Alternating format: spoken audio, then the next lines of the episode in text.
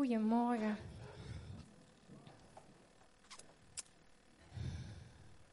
Dank jullie wel, uh, team. Ik wil uh, beginnen met gebed. Jezus.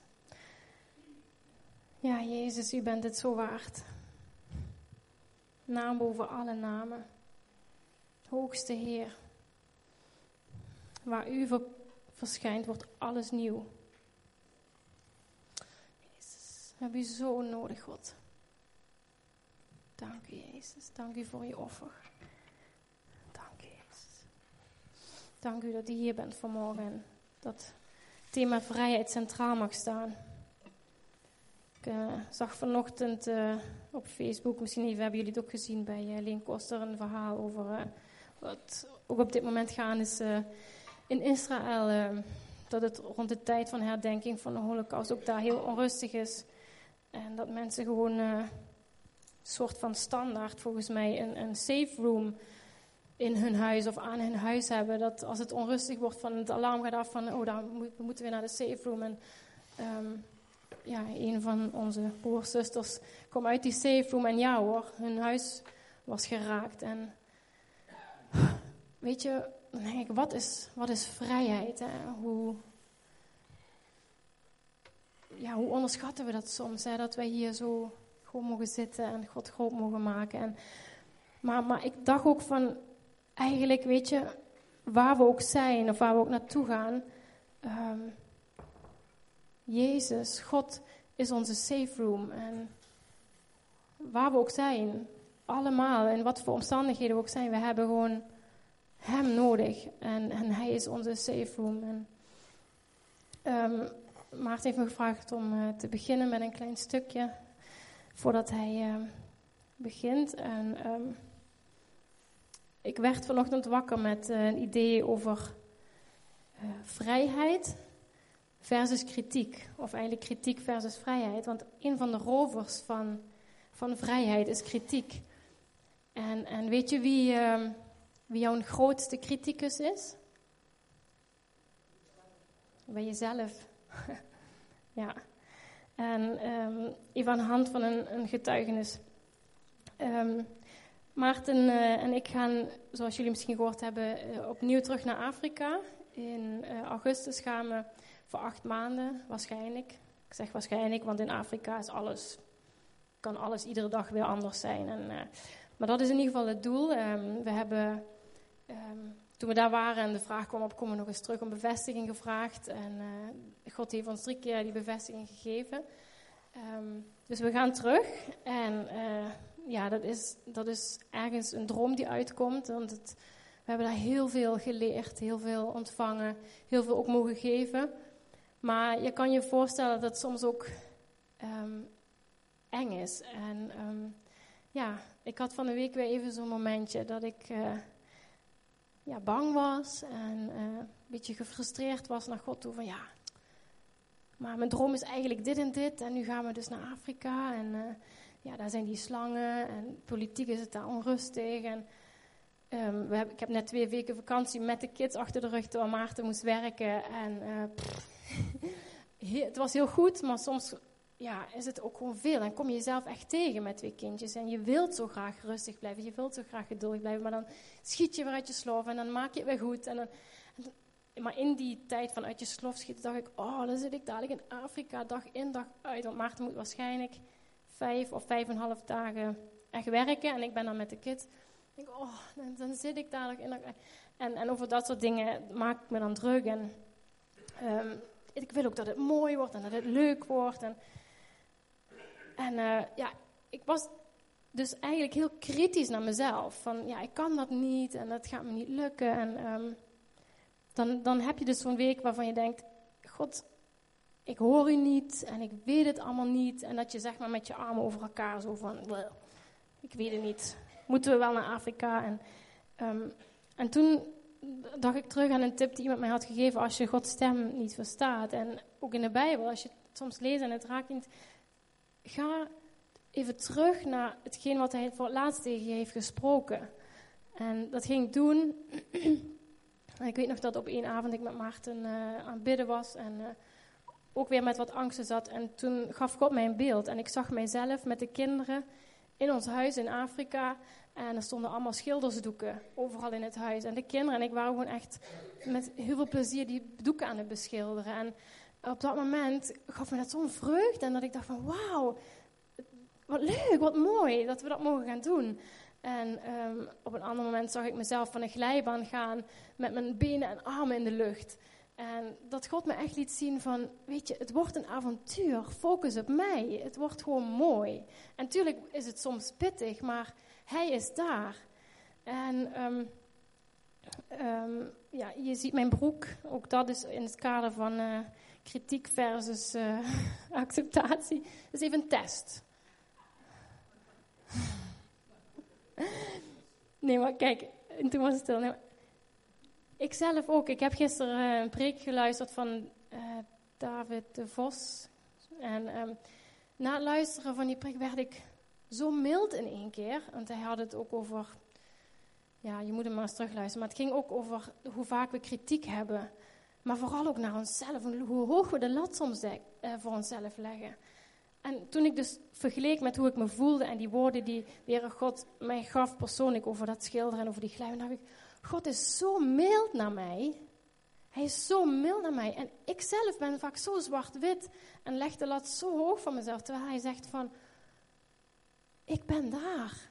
Ik hou van jou. En um, toen we in Afrika waren, keken we ook een beetje, werden we uitgedacht op van kijk eens naar Nederland en um, wat is de stronghold? Um, de, weet niet, wat is daar het woord voor de, het, Nee, wat, wat, wat, er zeg maar boven Nederland ligt, wat afgebroken mag worden, zeg maar, wat ons gevangen macht. Nou, in ieder geval bolwerk, ja, dat is het. en we gingen daarover nadenken en ik dacht zelf van, ik denk dat kritiek een van de dingen is. We vinden allemaal wel iets, en ik zelf ook, hè, over mezelf, over anderen. Uh, wat anderen over mij vinden, vul ik in. We, ik, we vinden zoveel. En ik denk, weet je, waar Jezus komt, wordt alles nieuw. En ik denk dat Hij ons echt wil helpen om af te rekenen met die kritiek. Vorige week zat ik met Jan, of twee weken terug met Jan aan tafel. En toen zei hij ook van, we moeten zo voorzichtig zijn met ons oordeel. Want we weten half niet wat die ander heeft meegemaakt. We weten het gewoon niet. En weet je, we mogen mild zijn. We mogen van elkaar houden.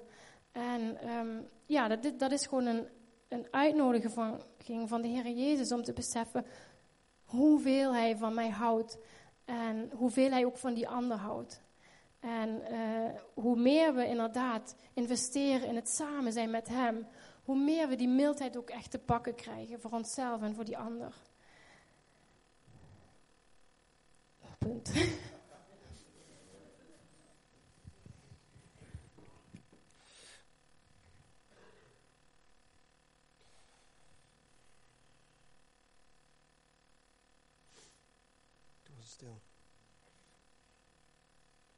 Gisteren mochten we ook twee minuten stil zijn. Het was bijzonder uh, gisteren om uh, in de auto. Ik zat gisteren in de auto uh, onderweg van Den Haag naar, naar hier naar het zuiden. Met twee hele goede vrienden van me. Maarten Thomas en Ben Funk. En Ben Funk is nu het werken. maar hij was al een appjes aan het sturen. En we denken zo aan elkaar. we waren, het was een super, super rit. Volgens mij had ik zo kunnen doorrijden naar Zuid-Frankrijk. want we deelden gewoon ons hart en we bouwden elkaar op. En uh, op een gegeven moment hoorden we op de radio de, trompet en mochten we ook samen in de auto. In onze drukke conversatie mochten we gewoon twee minuten stil zijn. Echt heerlijk om zo met elkaar onderweg te zijn. En ik kwam thuis eigenlijk en ik lag in bed op een gegeven moment dacht van... In die kleine setting, hoe heerlijk is het om met elkaar relatie te hebben. En met elkaar om te gaan en elkaars hart te delen. En niet altijd even eens te zijn met elkaar, maar elkaar wel weer leren begrijpen. En ja, Maarten en Ben, die triggerden me eigenlijk gisteravond um, uh, voor hetgeen waar ik het vandaag over wil hebben. Um, en dat is relatie met elkaar, communicatie, noem maar op. En een stuk bevrijding. Want we vieren vandaag bevrijdingsdag. Ik heb vanmorgen de vlag opgehangen met Nick. En uh, dan krijg je ook een stukje uitleg, uh, inderdaad, van oké, wat, wat, wat is bevrijdingsdag? Um, en ik wil het vandaag vertalen naar uh, wat be be betekent bevrijding voor mezelf. Goed, Nancy heeft een beetje de stand van zaken van ons persoonlijk verteld. We gaan dus terug naar Afrika. Vond ik wel even fijn nu ik hier sta. En de geruchten die gaan rond natuurlijk. En iedereen denkt, sommigen denken, ja, is het nou zo of is het nou niet zo? Uh, maar ook dat is familie zijn. En ik vind het leuk dat ik hier sta en heel kort mag zeggen dat we gaan uh, in augustus. Ik heb mijn baan opgezegd. En um, we gaan met het hele gezin, acht maanden gaan we naar, uh, naar Afrika. En daar heb ik ontzettend veel zin in.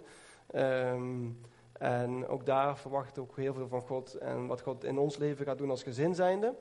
En dat we ook heerlijk mogen terugkomen, lekker equipped, zoals we dat dan noemen. Um, en ook weer mogen, uh, ja, meer familie mogen zijn. Um, dus ja, de geruchten kloppen, als het geruchten waren. Um, en we zijn volop in de voorbereiding. Uh, als je daar vragen over hebt of wat dan ook, nou, uh, schiet me aan, weet ik veel. alleen maar leuk om het daar in ieder geval samen over te hebben. Maar ik wil er nu niet verder over uitweiden. maar we hebben er wel echt heel veel zin in. Goed, bevrijdingsdag vandaag. Ik wil het dus hebben over, uh, over relaties. En ja, dat is iets waar we allemaal mee, uh, mee geconfronteerd worden. of je nou single bent, of dat je nou getrouwd bent. Want vaak, ik, terwijl ik erover nadenken was, ga je daarover standaard over nadenken. Hè? Of je nou, dan denk je gelijk aan huwelijk, of aan verkering, of aan, een liefdesrelatie.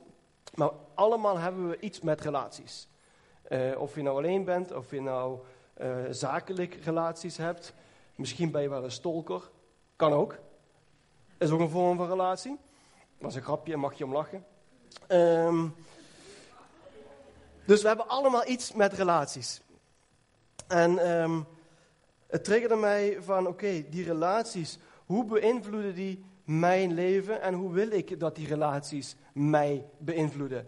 En bovenal dacht ik, ja, wacht even, want dan ga je heel veel nadenken en processen. En eh, gisteren kwamen we eigenlijk ook in de auto tot de conclusie van, oké, maar wat zegt de Bijbel nu eigenlijk van relaties? En het is zo mooi om te zien dat dit, hè, wat Rijn net ook zei, uh, dat we een verlangen mogen krijgen in ons hart om dit woord te gaan verslinden. Uh, en dat het een, een, een ja, geen, geen moed zal mogen, mogen, mogen worden, maar dat je gewoon niet anders kan als alleen maar een verlangen hebben om hierin te lezen en inderdaad te weten wat hier staat en welke beloftes over jou zijn uitgesproken in dit woord. En als je, ja, dat is ook mijn gebed vanmorgen op dit moment ook, dat dat, dat verlangen in je hart mag, mag komen. En ik weet dat het bij al veel mensen is, maar dat het nog meer mag uitbloeien. Want dit is waarheid, amen? Wat hier staat is waarheid. En dit is onze gids voor ons pad waar we ook komen, of we nou in Afrika zijn, of in Brunsum, of in Sittard, of waar we ook komen. Uh, en of we nou alleenstaand zijn of getrouwd zijn, dit is ons boek waarin we heel veel richting ontvangen. Alle richting. En samen mogen we dat delen. En ik was zo aan het, uh, aan het kijken van, oké, wat zegt de Bijbel nu over relaties? En het is zo mooi dat we dan helemaal teruggaan naar Genesis. Halleluja. Dus we gaan vandaag naar Genesis. En als je je Bijbel hebt meegenomen, wat ik hoop, dan sla hem open uh, in Genesis 1. En um, ja, daar is God um, de aarde aan het schapen. Klopt, hè? Scheppen. School. Het gaat lekker. Volgens mij piept mijn microfoon, hè?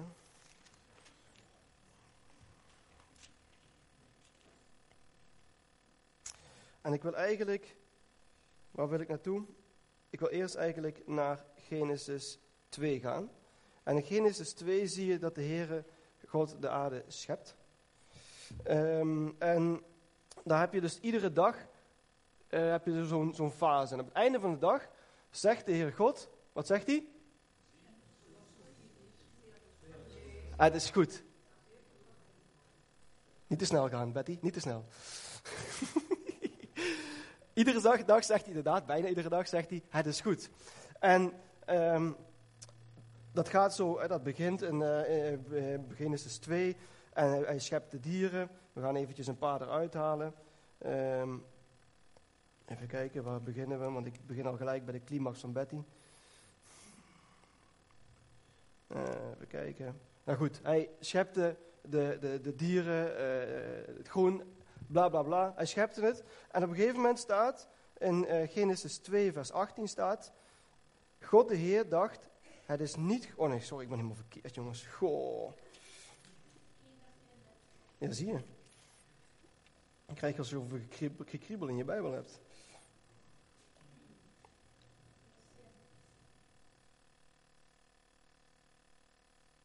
Ja.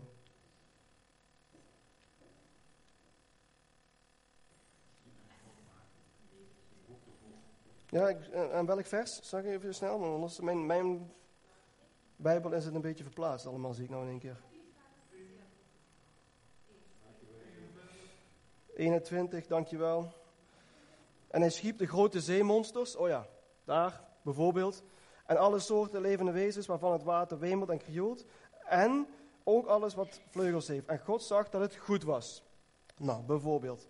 En zo gaan we dus verder uh, met de, de, de vijfde dag. En God zei, de aarde moet allerlei, vers 24, levende wezens voortbrengen. Vee, kruipende dieren en wilde dieren. En zo gebeurde het. God maakte alle soorten uh, wilde dieren, al het vee en alles wat de aardbodem rondkruipt. En God zag dat het goed was. En dan vers 26. God zei, laten we mensen maken uh, die ons evenbeeld zijn, die op ons lijken. Ze moeten heerschappij voeren over de vissen, over de zee en de vogels van de hemel, over het vee, over de hele aarde en alles over wat daarop rondkruipt. Goed, God schiep de mens als zijn evenbeeld. Als evenbeeld van God schiep hij hem, mannelijk en vrouwelijk. Hij zegende hen en zei tegen hen, wees vruchtbaar en word talrijk.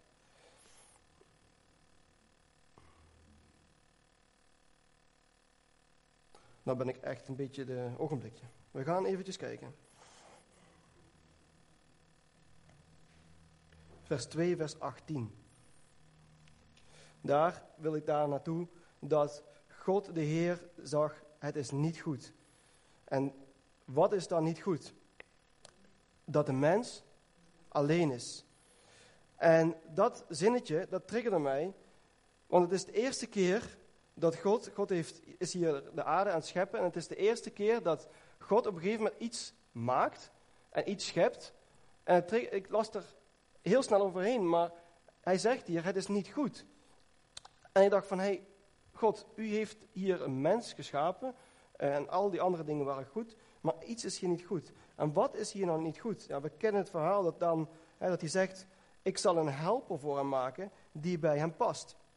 En in mijn jeugd dacht ik altijd, een helper in de context van een vrouw uh, die helpt. Hè? Afwas, de was, uh, kinderen, etc. Dat is een slaaf. Amen. Um, maar soms ging dit wel door mijn hoofd heen, als ik gewoon even eerlijk ben. Van helper. Wat is de definitie nou van helper? En God wist kennelijk hier al iets, wat in als hij dit niet had gedaan in de toekomst, waar het dan fout zou gaan. En dit gaat behoorlijk diep en dat besefte ik me dus nu. Het is niet goed dat de mens alleen is en ik zal een helper naast hem neerzetten.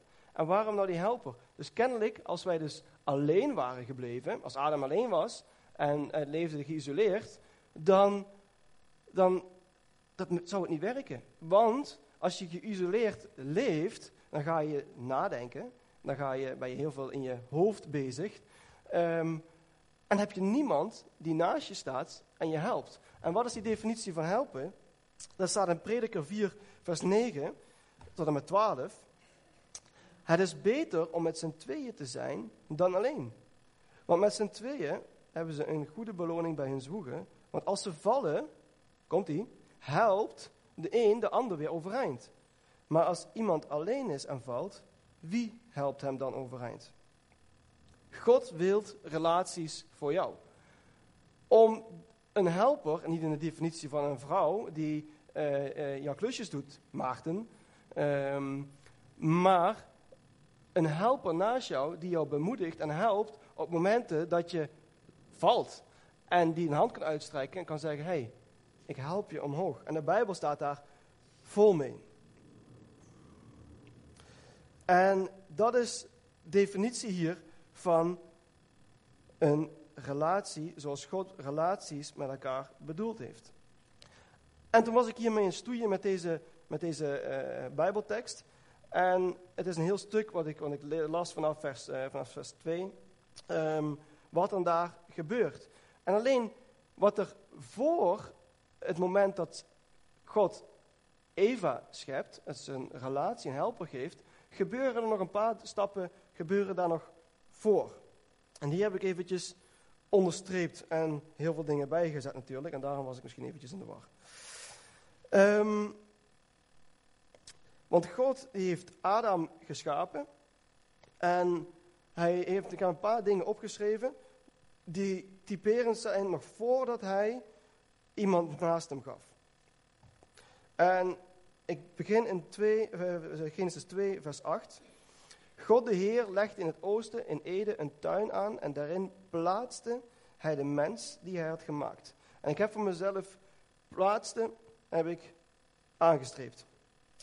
Dus hij, nog voordat Adam was geschapen, en hij kreeg een bestemming. Hij zette hem ergens neer. Hij plaatste Adam in die tuin. En hij liet overal die bomen opschieten die er aanlokkelijk uitzagen met vruchten. En in het midden van de tuin stond de levensboom en de boom van kennis en goed en kwaad. Nou, hierachter staan twee mooie bomen. Er ontspringt in Ede een rivier die in de tuin bevloeit en verderop vertakt zich in vier grote stromen. Um, we gaan dan door naar vers 15. God de Heer bracht de mens in de tuin van Ede, dus weer bracht en plaatste hem. En hij gaf hem daar een doel mee. Een doel om te bewerken en er om over te waken. Dus Adam die had eigenlijk zijn bestemming voor zijn leven, kreeg, die hier, kreeg hier vorm. En God gaf hem daar een richting. Hij hield hem het volgende voort. Van alle bomen in de tuin mag je eten, maar niet van de boom van kennis van goed en kwaad. Wanneer je daarvan eet, zul je onherroepelijk sterven. En dan komt vers 18. God de Heer dacht, het is niet goed dat de mens alleen is. En wat me hierin triggerde is dat nog voordat dat hij um, Adam eigenlijk zijn, uh, uh, zijn helper gaf, nog voordat had hij dus hem een doel gegeven, een opdracht gegeven. Um, maar hij gaf hem ook parameters mee.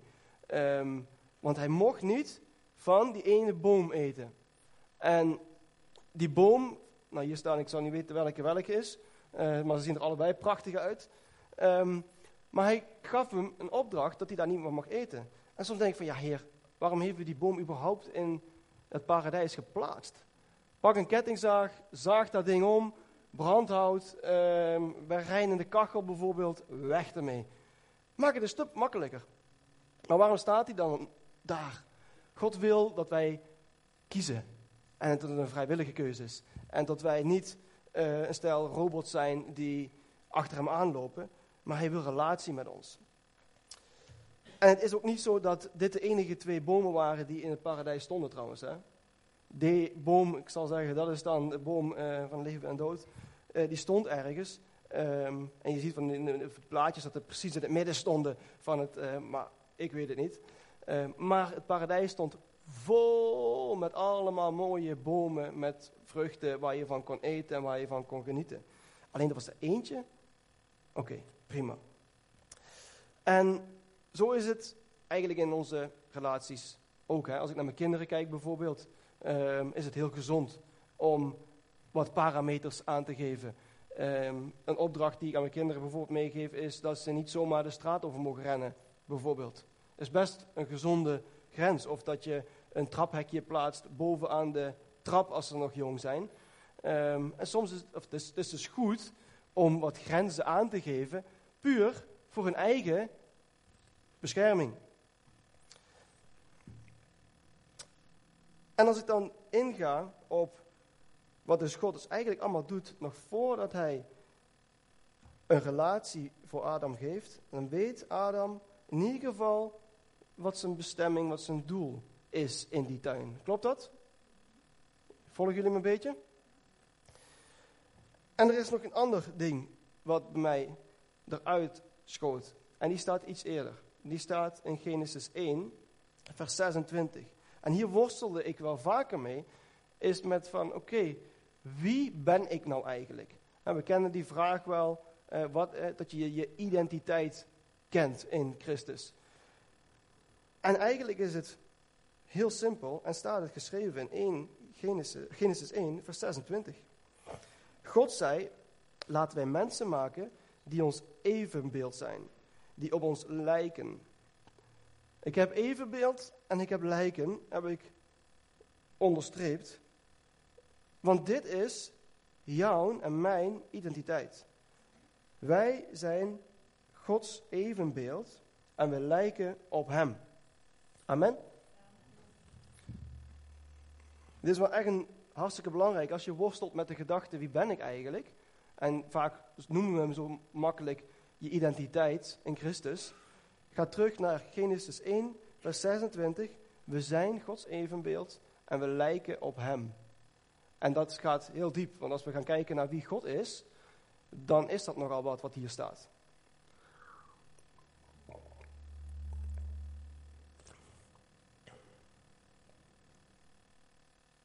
En dit is precies de plek waar de duivel ons aanvalt. Je identiteit. Um, als ik naar mijn eigen leven kijk, dan is dat de plek. Als je maar niet weet wie je bent en hoe God je geschapen heeft. Nou, als we daar maar verwarring over krijgen, dan, um, ja, dan heeft hij eigenlijk zijn zin. En dat is, het, is, het is vrij simpel, maar de duivel is zo goed erin om het zo moeilijk voor onszelf te maken. Niet weten wie we zijn. En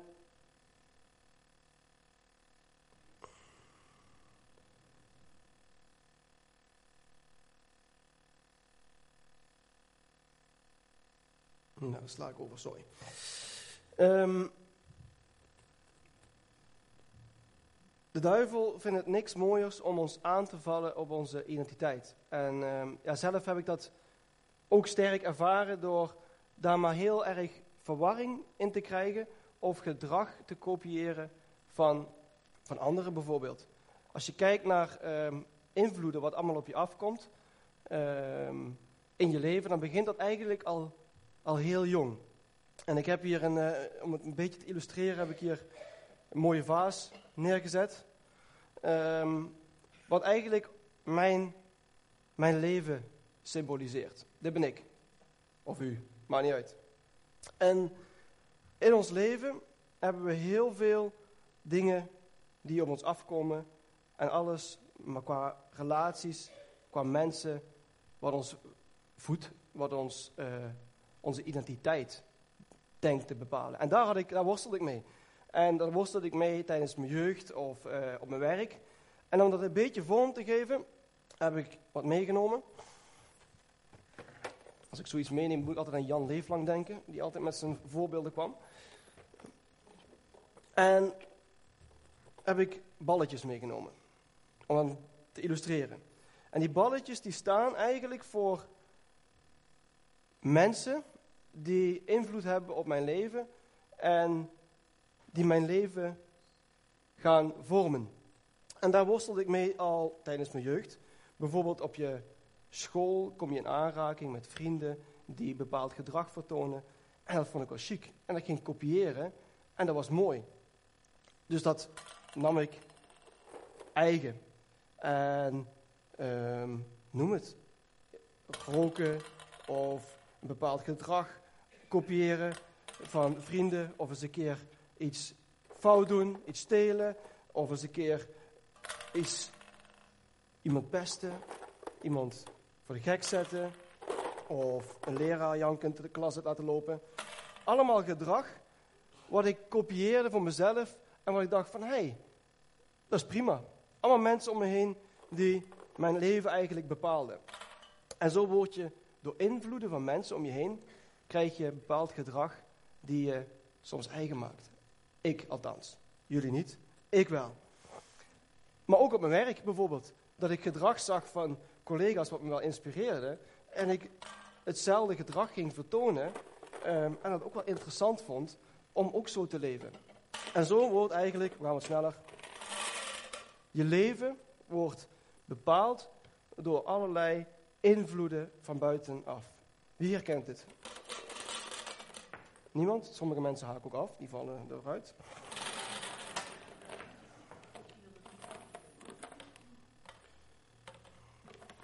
Allemaal invloeden van buitenaf die mijn leven eigenlijk beheersen. Nens had het net over kritiek bijvoorbeeld. Ehm, hoe makkelijk is het om kritiek uit te oefenen op anderen en dat gedrag dat zag ik en kopieerde ik. Uh, mensen te veroordelen. Maar weet je wat ook mijn leven bepaalde? Uh, leugens die over me uitgesproken werden. Van, hé hey Maarten, je bent uh, veel te klein. Of ehm, je bent nog uh, niet goed genoeg. Of weet ik veel, noem het maar op. Vul je eigen leugens maar eens in over wat over je uitgesproken is. En wat je ook nog eens gaat geloven. Herkennen we dat? Gedrag wat, uh, wat, je, wat je vertoont doordat mensen hebben uitgesproken over je. En zo zag ik eigenlijk op een gegeven moment mijn eigen leven een beetje voor me. En dacht ik van, wow, ja, maar wie ben ik nou eigenlijk? En toen ging ik dealen met de vraag van, oké, wie ben ik nou eigenlijk? En is dit wie ik ben, ja of nee? En dan kwam ik weer terug in Genesis, waarin relaties, en ik zit hier dus vol met relaties, die zijn hartstikke goed voor je. Um, relaties. Maar relaties in deze context, zoals ik hier ben, hebben die heel veel invloed op mij gehad, wat God niet eigenlijk bedoeld heeft. En heb ik mijn eigen gemaakt en dit bepaalde mijn, mijn identiteit. En toen ging ik worstelen met de gedachte, hmm, God, wie ben ik nou eigenlijk? En wat is nou Maarten en hoe heeft u mij nu geschapen? En ik deelde ermee door, want ik, vind dat, ik vond het een lastige vraag. Ik deelde ermee van hoe kom je er nou achter? Want leuk dat je dat zo zegt. Misschien hier van het podium. Um, ken je identiteit. Maar wat is dat nou? En triggerde mij net het, wat Rijn dus hier voor ging zeggen. Want hoe kwam ik erachter hoe God mij ziet? Hoe kom je erachter hoe God jou ziet? Ik stel een vraag. Door de Bijbel te lezen, door de waarheid uit te spreken over je leven. En ja, het woord wat Rijn net zag, het, het triggert en het worstelt in mijn kop. En daar zit wat in, uh, Rijn. Door relatie, uh, door relatie met God te hebben, door Hem te zoeken. En wat zie je dus hier in Genesis? Um, Adam, die wist nog voordat hij Eva kreeg, dus nog voordat hij mensen om zich heen had, wist hij in Genesis 1, vers 26, wist hij wie hij was. Hij was het evenbeeld van God. Hij had een bestemming in zijn leven gekregen. God had hem richting gegeven. En werd hij gevuld door God nog voordat hij beïnvloed werd door relaties van buitenaf. En tegenwoordig is dit wel een hot ding, hè? Eh, want we worden op heel veel manieren worden beïnvloed. Als we kijken en um, misschien dat het een beetje een voorrecht is geweest dat je de, het contrast mag zien als je in Afrika bent geweest, waar je heel weinig prikkels hebt en hier heel veel prikkels hebt. Dat openen wij voor wij wel een bepaald beeld dat we hier in Europa, hier in Nederland, heel veel invloeden hebben en afleiding. Kijk naar Netflix, weet ik veel, internet, noem maar allemaal op. We hebben zoveel prikkels en dat bepaalt onze identiteit. En we waren daar gisteren over aan het stoeien in de auto. Um, over hoeveel dingen eigenlijk ons leven bepaalt als we kijken naar relaties. Of andere voorbeelden. We hadden het gisteren ook in de auto over seks bijvoorbeeld. Ook een heel hot item om eens een keer over te hebben. In de goede context. Waar de wereld een bepaald beeld schept over ons of over dingen die God eigenlijk zo ontzettend mooi bedoeld heeft, maar die eigenlijk gewoon compleet vernield zijn en misvormd zijn. En dat raakt me oprecht. En dan moet je dus terug naar dit boek, waarin God gezegd heeft hoe het eigenlijk allemaal in elkaar steekt. Hoe God jou ziet. Hoe God seks bijvoorbeeld ziet. Of wat dan ook. Maar hier staat het eigenlijk allemaal mooi ingeschreven. En daarin hebben we elkaar keihard nodig. En dus dit was mijn leventje, wat bepaald werd door allemaal invloeden van buitenaf. En dan, de vraag die ik net stelde, hoe kom je nou erachter wie je dus bent in Christus? Daar kon je maar één manier achter. Je voelde me aankomen. Door tijd met God te hebben. En God, neem eventjes het voorbeeld levend water. Er komt hij. Stopcontacten.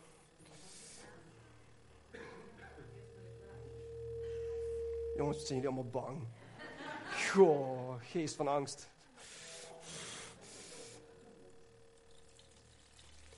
Dus, wat ga je doen? Je gaat tijd met God hebben. Zie je het al gebeuren? Niks, hè? Toch? Maar zo voelde ik me wel.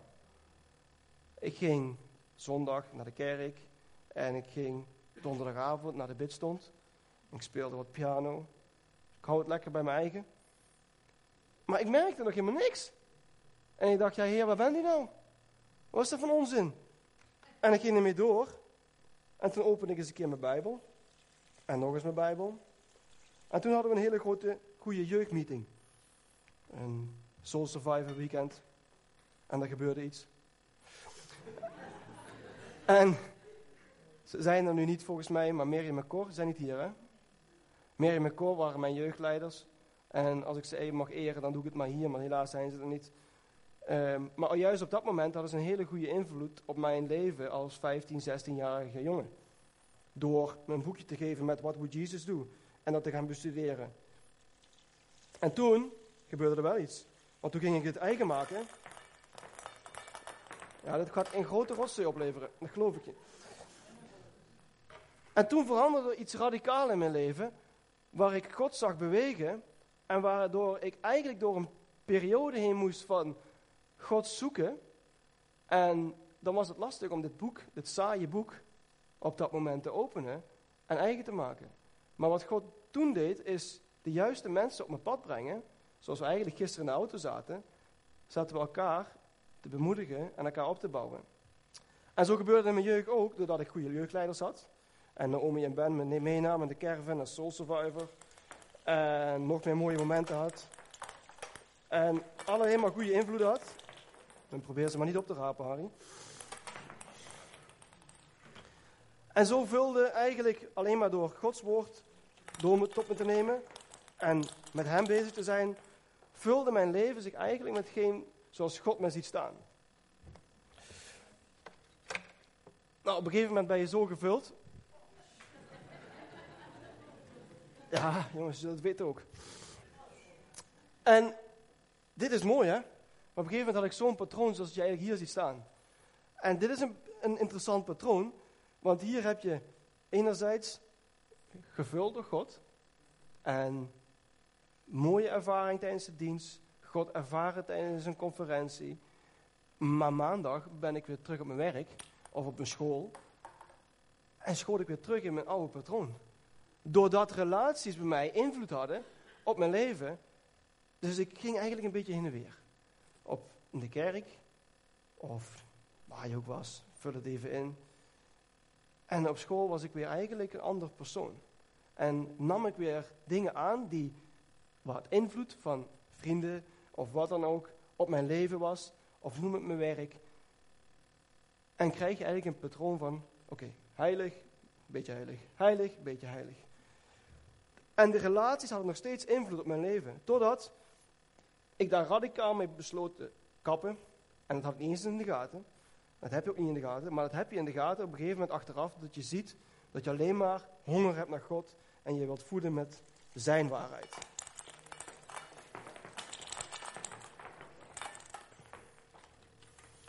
Totdat ik helemaal gevuld was. En ik hoopte dat het tafeltje bleef staan. En de vaas van mijn moeder niet kapot gaat. Totdat ik dit ben.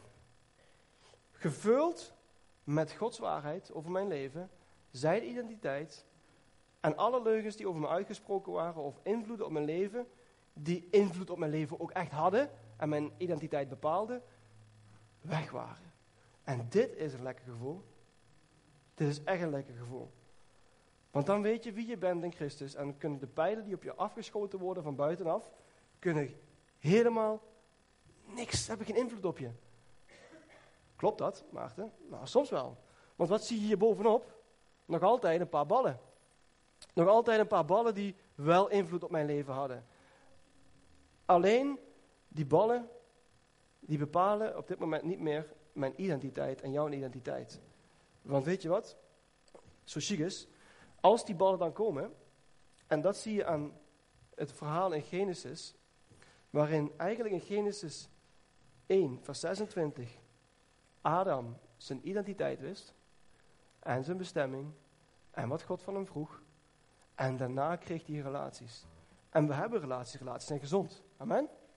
Want relaties bouwen elkaar en helpen elkaar op.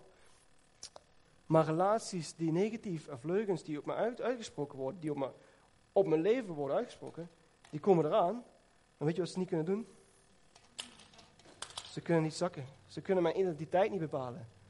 Hoe ver is dat? Kan ze wel verder duwen, maar dan wordt één grote zooi. Maar ze, ze blijven aan het oppervlakte. En daarom vindt God het zo belangrijk dat voordat je nog in je bestemming gaat wandelen, dat je eerst weet, wie ben ik eigenlijk? Wie ben ik? En relaties zijn goed. En dit triggert me wel, dat als je dus hier invloeden op je leven hebt, of mensen die je moet omgaan en misschien geen goede invloed op je, dat God mensen naast je zet, zoals een helper, zoals Eva naast Adam stond. Waarom gaf God nou die helper? Die, God gaf die helper doordat op het moment dat in mijn eigen leven ik getrouwd ben met Nancy en mijn helper is, ehm, en ik ergens mee deal, of er wordt een leugen over me uitgesproken en ik denk van crap, en ik zit daarmee en ik ga ermee nadenken. Dat Nancy degene is die zegt van, hé Maarten, uh -uh, daar ben jij niet hè, daar ben je niet, weg ermee. En relaties onder elkaar, zoals we gisteren Maarten in de auto zaten, en elkaar eigenlijk aan het bemoedigen waren. Dit is niet van jou, Maarten. Dit is niet, zo, zo ziet God jou niet. En hoe ver is het dat God dit bedoeld heeft, dat wij gevuld mogen zijn met zijn waarheid en met zijn identiteit, zoals in Genesis staat. En iedere vorm die eigenlijk om ons afkomt, en pijlen die om ons afgeschoten worden, maar op een gegeven moment geen invloed meer kunnen hebben. En kan deze beker wel eens leeg raken? Kan wel, hè? Maar daarom is het zo heerlijk belangrijk om je te voeden met de waarheid. Voeden met het woord van God. Voeden met door elkaar te bemoedigen. En dan mogen we relaties hebben. En dan is het zo dat God relaties soms misschien wil tegenhouden. Of nog even niet de ruimte geeft. Omdat hij eigenlijk zo hard verlangt. Vul jezelf alsjeblieft eerst. En misschien raak ik hier ook aan een gevoelig puntje aan. Ik moest denk, net denken aan bijvoorbeeld mensen die single zijn of in relaties ontzettend teleurgesteld zijn. En dat is, dat is realiteit, daar hoeven we niet omheen te praten. Ehm, en misschien ben je wel drie keer getrouwd geweest. Ik weet het niet. En kan dit heel gevoelig zijn. Maar wat ik wel geloof, is dat God relaties voor jou wilt. En misschien ook wel naar drie partners of naar vier partners. Of naar een beste vriend of een beste vriendin die je teleurgesteld heeft. Maar dat God ontzettend verlangt naar. Kom eerst bij mij en laat je vullen door mij. En dan zal ik jou die relaties, zal ik jou geven. Zal ik jou geven. En dat heb ik gemerkt in mijn eigen leven. Toen ik op een gegeven moment wist wie ik was. Dat er ook een, eigenlijk een deur open ging van relaties die op je, op, af, op je afkomen. Die een positieve invloed voor jezelf hebben. En die je dus een helper mogen zijn in je leven. Amen. Volgen jullie me? En dat is eigenlijk mijn diepste verlangen. En ik werd er gisteren door getriggerd in de auto. Ehm, en natuurlijk zijn we de laatste tijd ook bezig met um, kerk zijn. En dat is misschien de essentie dat ik hierdoor veel bezig ben. Wat betekent het nou om samen kerk te zijn? En waarom is het nou zo belangrijk om met elkaar samen op te trekken? En ik lag vannacht, ik heb het niet eens gedeeld met Nancy trouwens. En ik lag vannacht in, in, in bed eh, en ik werd wakker met een hele mooie gedachte eigenlijk. En ik moest aan de kerk denken.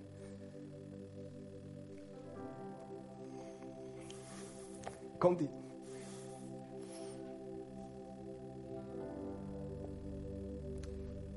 Ogenblikje.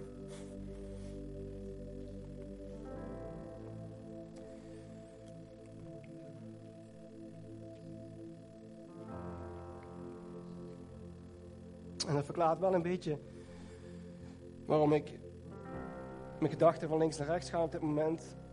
En dat is vanwege dat beeld. Ik werd wakker met een gedachte, een hele rare gedachte. En dat was, en ik besef het nu nog meer misschien, en dat was dat ik een olijfboom zag. En een prachtige boom, een olijfboom die geeft misschien wel 150 jaar vrucht. Ehm, dat beeld alleen dat was gewoon heel mooi. Alleen wat ik daarna zag was super chic en ik moest continu aan deze kerk denken. En dat was dat het proces van olie, olijfolie, in één keer zo voor mijn ogen voorbij ging. En het proces van olijfolie maken.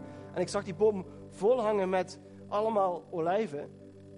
En voor mijn gevoel was dat alle mensen die hier vandaag ook gewoon zitten. Of hier niet kunnen zitten. En die zaten daar. En al die olijven die werden verzameld in één grote bak. En dan begint het proces van olijfolie maken. Maar nog voordat olie, wat ook een ontzettend mooie kenmerk heeft, maar nog voordat olie kan vloeien en zijn werking kan gaan doen, is er een heel proces aan de voorkant. En moet eerst, de olijven worden eerst gewassen. En wordt schoongemaakt. En alle vuiligheid en alle narigheid van troep wat op die olijven zit, dat gaat eruit. En daarna komt een proces van persen, kapot maken. Helemaal tot op de grond kapot maken. En dat was voor mij dit proces. Van oké, helemaal terug naar de kern, naar Jezus. Helemaal terug naar wie ben ik nou? Zoon van Hem. En wat is mijn identiteit? En op dat moment zag ik een, een bak met zo'n klein tuitje. En dan vloeide die olie in zo'n dun straaltje vloeide daaruit. En dat werd in een hele grote bak werd dat gevuld. En ik vond het zo'n mooi beeld, want het was voor mij een bevestiging of een, hoe noem je het ook maar. Um, maar dat we in een proces zitten wat misschien heel erg lastig, soms pijnlijk, soms confronterend, of soms misschien wel saai of het duurt te lang kan zijn. Maar dat wil niet zeggen dat God niet bezig is. En op een gegeven moment, je ziet nog helemaal niks. Net zag je ook niks gebeuren op een gegeven moment. Maar op een gegeven moment begint dat te stromen. Ja, dat, dat stopt niet meer met stromen. En ja, dat was een super mooi beeld wat ik vanmorgen in gedachten had. Uh, maar wel toch wel heel erg graag met jullie wil delen. Um, dat we wel in een proces zitten en dat God eigenlijk van ons vraagt van laat je compleet schoonmaken. Laat je compleet wassen. En dadelijk ook compleet kneden. En alle leugens die over jou zijn uitgesproken, over hetgeen wat jouw identiteit bepaalt, wat niet jij bent. Ik denk aan relaties die kapot zijn gegaan. Buiten kerk, binnen kerk, maakt me niet uit. Of woorden die over je uitgesproken zijn. Dingen die in het verleden zijn gebeurd. Ik denk dat je zelf genoeg weet over je eigen leven en terug kan gaan. En dat is niet hoe God jou ziet. God ziet jou als zijn evenbeeld. Precies hetzelfde als hem. Met dezelfde kracht. Met dezelfde overwinning. En als we daarin mogen gaan staan. En helemaal gewassen zijn. En helemaal gekneed. En ik zelf ook. Ik sluit me aan in die rij. Dan kan de olie uitvloeien. En die olie is nodig. Want die olie die brengt verlossing en vernieuwing. En die, ja, die gaat rond. En Europa en Nederland heeft het zo keihard keihard nodig. Dat wij weten wie we zijn. En dat de duivel, die eigenlijk maar probeert ons daarvan af te houden. En te wil te zeggen van oké, weet, weet vooral niet wie je bent. En ga vooral niet in je kracht staan zoals God jou bedoeld heeft. Dan verandert er ook niks in Nederland. En er verandert ook niks in Europa. Maar als wij gaan beseffen wie we zijn. Jongens, er is zoveel honger in Europa. Gisteravond kwam er een zendingsteam uit, ergens uit, volgens mij Brazilië kwam aan. Om zending te gaan doen in Nederland.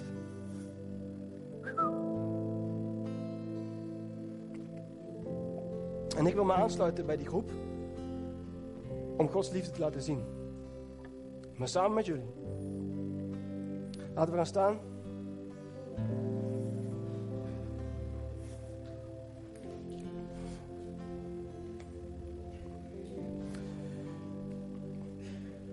En ik wil toch graag een, eh, een uitnodiging doen. En ik geloof wel dat hier mensen zijn en voel je niet veroordeeld door mij of door wie dan ook. Maar ik geloof wel dat er mensen zijn die teleurgesteld zijn geraakt, of misschien deze kom nog halfvol uh, hebben, of relaties die je pijn doen. En dat je eigenlijk worstelt met wie ben ik en wat is mijn identiteit. En die worsteling, dat, dat vreet energie, dat doet pijn, dat, dat houdt je af van wie je echt bent. En ik wil terug naar het feit dat we waarheid willen uitspreken over jouw leven. Dat jij gemaakt bent als zijn evenbeeld. En jongens, dat, dat besef ik nog niet eens. Want het gaat zo diep. Jezus die wekte doden op. Jezus ging rond en had zoveel liefde voor die anderen. Bij Jezus was geen spirit of criticism of een kritiek naar een andere. Bij Jezus was alleen puur liefde voor die ander en niet gelijk een oordeel over die ander. En als er relaties zijn die jou beïnvloeden op dit moment nog, of die je pijn gedaan hebt, of je bent single, of je bent gescheiden, vul het maar op. Vul het maar in. Dan wil ik heel graag samen met het gebedsteam voor je bidden. Want ik geloof als wij pas dit proces hebben doorgemaakt, dat wij in onze kracht kunnen gaan staan. En daarom grijpt het me ook heel erg. Want ik zie een proces van, of een werk van de duivel, die in Nederland ons maar heel erg bezighoudt met onze bezigheden, waarin we niet in onze identiteit gaan wandelen. Maar als wij als kerk zijnde elkaar mogen gaan bemoedigen en het goud in die ander naar boven mogen gaan halen, nou jongens, dan is deze zaal te klein. En dan gaat het mij echt niet om de aantallen of om een dikke zaal, maar het gaat mij om de honger die buiten is. En die is er echt ontzettend. Mensen hebben honger, mensen weten niet wie, wie ze zijn. En als je jezelf aangesproken voelt, dan kom naar voren en dan wil ik samen met mensen van het gebedsteam voor je bidden. En jongens, ik wil hier echt naartoe. Ik wil hier naartoe met ons als kerk zijn en daar wil ik ook echt gebeden over uitspreken. Heer God, Heer, dank u wel. Dank u wel dat we, ja, dat we die aan het doen bent, Heer, ook vandaag, Heer. Dat misschien niet zoals ik had gedacht. Heer, maar dat boeit me ook helemaal niks. Heer, want we willen u de ruimte geven, Heer. Heer, en ik, wat ik ervaar, Heer, dat hier mensen zitten met pijn en met gebrokenheid van relaties die hun leven beïnvloed hebben of nog steeds beïnvloeden. Met diepe wonden. Heer, op dit moment bid ik, Heer, dat die komt met bevrijding, Heer. Heer, die komt met herstel, met troost. Heer, en dat kunnen we alleen bij u zoeken, Heer. Heer, maar hoe vet is het, Heer, dat u dat door de ander wil doen. Heer, dat we voor elkaar in de bres mogen staan. Heer, dat we een schouder op elkaar mogen slaan, Heer. Of een hand om de schouder mogen slaan, Heer. God, Heer, op dit moment bid ik, Heer, dat wij de komende periode, die misschien saai, niet interessant of te langdurend, ook voor mezelf spreekt dat uit. Heer, maar ik wil terug, Heer, en ik wil mezelf laten schoonwassen, Heer, en ik wil me laten breken, Heer, zodat er heilige olie, Heer, uit ons kan stromen, Heer. Heilige olie, Heer, om mijn gaven en talenten, Heer, in te zetten voor de anderen, Heer. Heer, om alle gaven en talenten van al die mensen die hier zitten te mogen zien werken op de plekken waar zij komen, Heer. Heer, God, Heer, en dat we een land, Heer, in, in kunnen gaan zetten. Heer, niet alleen met dit kerkje, Heer. Heer, maar samen met, Heer, uw gemeente, Heer. Het lichaam, Heer, van de kerk om ons heen, Heer. Heer, waarin we mogen opstaan, Heer. En in onze autoriteit mogen gaan wandelen, Heer. Heer, om uw woord te brengen, Heer. Heer God, laat ons opstaan, Heer. En kom met uw Heilige Geest, Heer, die u heeft gezonden, Heer. Zoals in Johannes schrijft, Heer. Als een helper. Heer, want uw Heilige Geest, Heer, is onze helper. Heer God, Heer, op dit moment bid ik voor herstel, Heer. En ieder die naar voren zou willen komen, Heer, dat er ook compleet herstel mag zijn. Heer, omdat het zo nodig is, Heer, dat we gaan wandelen in identiteit en autoriteit zoals u bedoeld heeft, Heer. Heer, dank u wel voor wie u bent, Heer.